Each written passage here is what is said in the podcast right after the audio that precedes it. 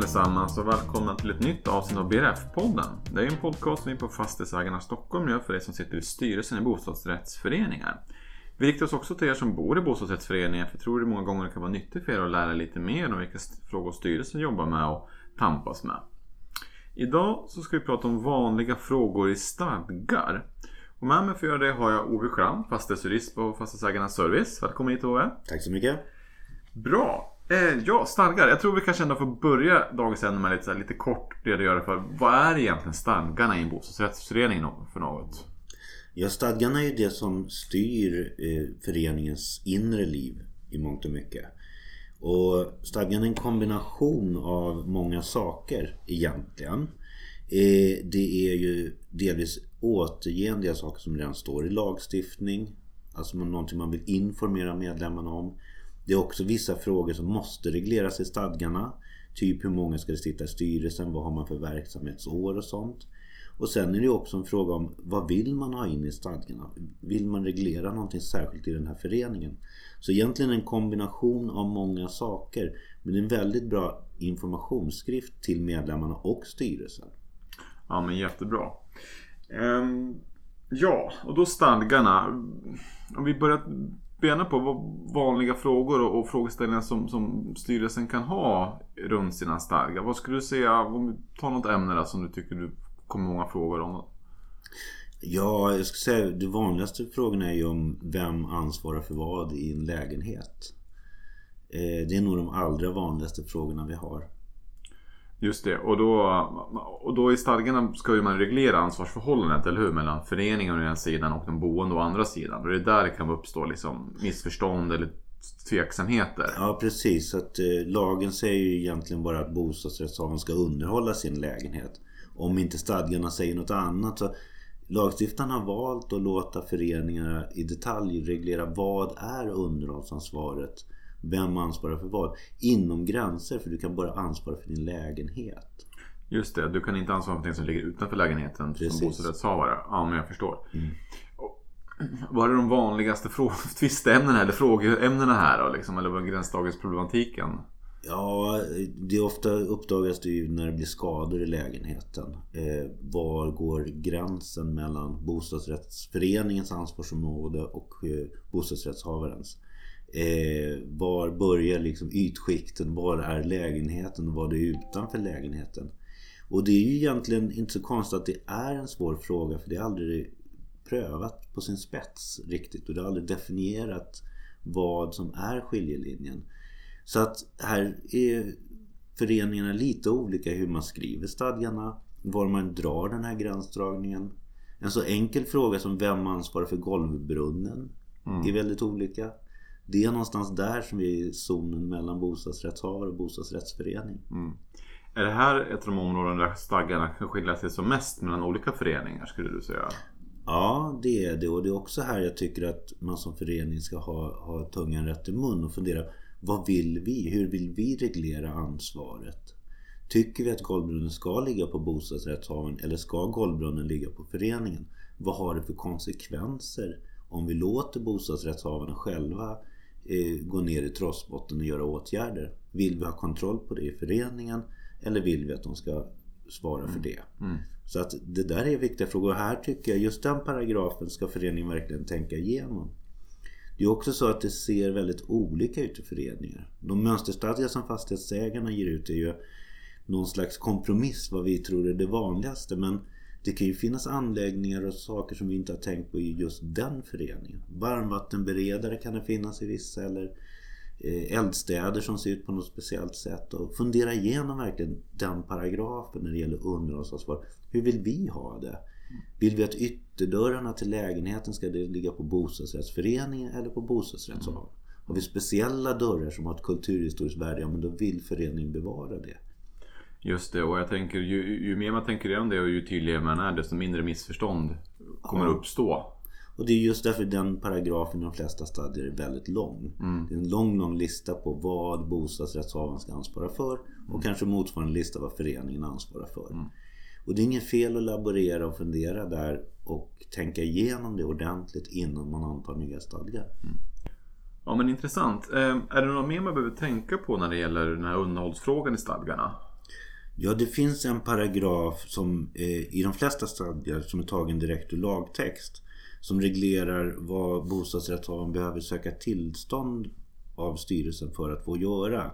Det är åtgärder typ att göra ingrepp i, befin- i, i, i bärande vägg, eh, dra om rörledningar, ändra karaktärsdrag, det vill säga flytta kök till sovrum och sånt där. Det är tillståndspliktigt. Och här vill ju gärna bostadsrättsföreningarna skjuta in mer. Man tycker det här föreningen har för lite kontroll.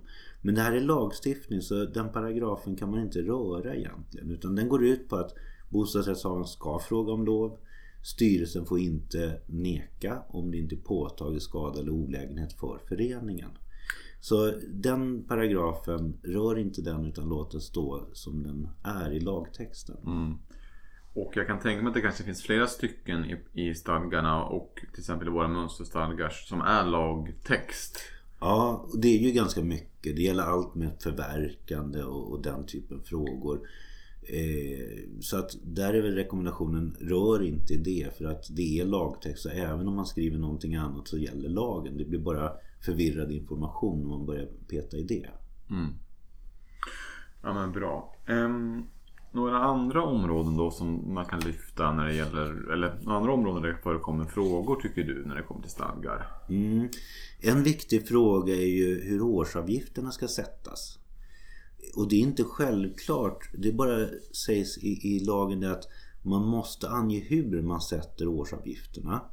Det vanligaste är andelstal. En beräkningsform egentligen. Men det är långt ifrån alla stadgar som har det. Det kan också vara så att man sätter årsavgifterna efter insatserna eller efter yta. Och där får man ju hålla tungan rätt i mun när man går in på nya stadgar. Att man behåller samma som man har. Om man inte medvetet vill gå över på någonting annat. Man kanske vill gå över på andelstal och har insats idag. Eh, och sen när man också är inne på den här om årsavgifter så finns det annan reglering i de paragraferna som reglerar att man också kan sätta vissa saker individuellt. Och det gäller ju sånt som värme, el, vatten. Men det är också vanligt och det har fastighetsägarna i mönsterstadgan att, att ersättning för informationsöverföring kan läggas per bostadsrätt. Alltså det vi kallar bredband eller telefoni eller så. Mm. Så att man kan fördela ut det per lägenhet. Har man inte skrivit i stadgarna så ska det in på samma sätt som årsavgifterna i övrigt. Så det är bra att reglera det ordentligt om man vill lägga det individuellt. Mm. Ja men bra. Några andra områden som du upplever att det förekommer frågor i förutom? Ja, andrahandsupplåtelser är också en sån sak som, som Lagen ändrades här för några år sedan och blev lättare att hyra ut i andra hand och som kompensation för det så finns det möjlighet för bostadsrättsföreningarna att ta en avgift vid andrahandsupplåtelser. Men man får bara ta avgiften om det regleras i stadgarna. Så det är bra att skriva in om man nu vill ha den möjligheten. Eh, och det får vara högst 10% av prisbasbelopp för varje år. Ja men bra. Ehm, sommaren 2016 skedde, skedde det ju lagändringar i lagen om ekonomiska föreningar som också påverkar bostadsrättslagen. Och särskilt nu inför sommaren 2018 när de här reglerna ska vara införda finns det många frågor om det här. Kan du berätta lite kort vilka de huvudsakliga ändringarna var och hur det påverkar föreningarna och stadgarna? Mm. Eh, det ena viktiga är ju att man egentligen har tidigare lagt eh, processen inför stämman. Det vill säga att revisorn ska två veckor tidigare, det är numera sex veckor innan stämman, ha materialet. Och revisorn ska lämna tillbaks där också tidigare skede än, än det var tidigare. Och, och, i slutändan är det så att materialet, årsredovisningen, ska ligga kvar, klar för medlemmarna två veckor innan stämman. Tidigare var det en vecka innan stämman. Så man kan säga att det är en tidsförskjutning eh, där. Och när det gäller tillgängligheten av materialet så säger det inte att det ska delas ut eller så. Men det måste finnas färdigt. Medlemmar ska kunna ta del av det åtminstone.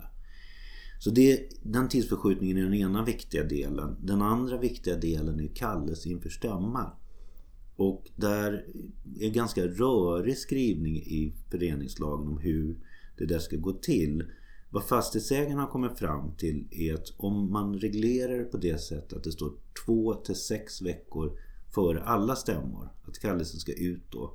Då har man sä säkerhet i alla lägen för alla typer om det är extra stämma, om man ska ändra stadgar eller så. Så rekommendationen är att skriv in i stadgan att kallelse ska ske två till sex veckor innan alla stämmor. Eh, så, så blir det nog tydligt och klart vad som gäller. Mm. Ja, men bra.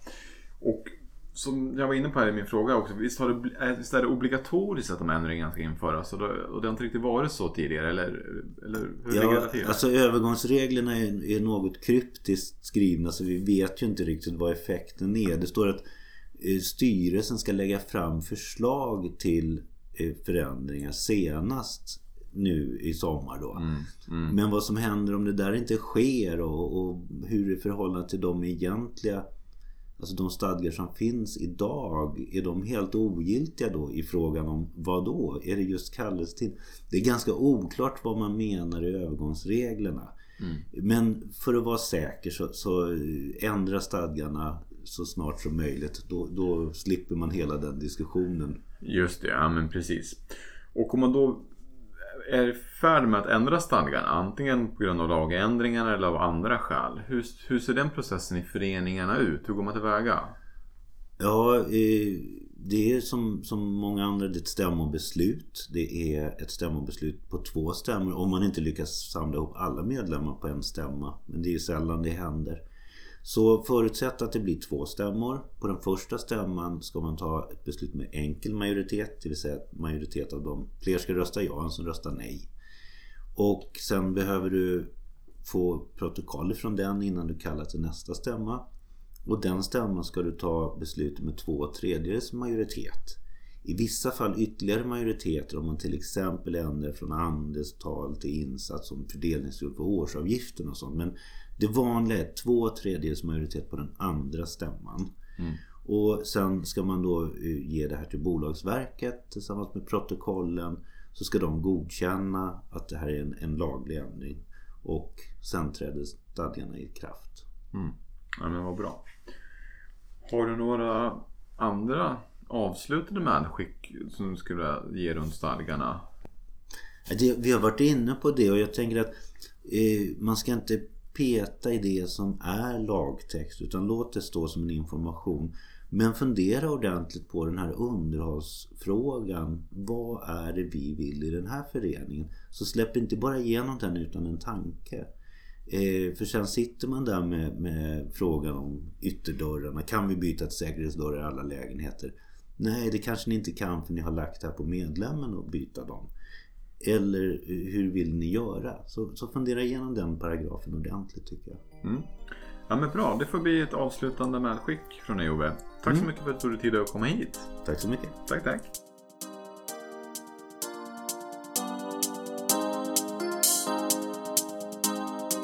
Du har precis hört en avsnitt av BRF-podden. Jag hoppas du tyckte det var intressant och lärorikt, precis som våra tidigare avsnitt. Du hittar fler avsnitt av den här podcasten på soundcloud.com iTunes podcaster och även på vår hemsida fastighetsagarna.se Stockholm. Men det vill jag tacka för oss och hoppas att du vill lyssna på oss igen framöver.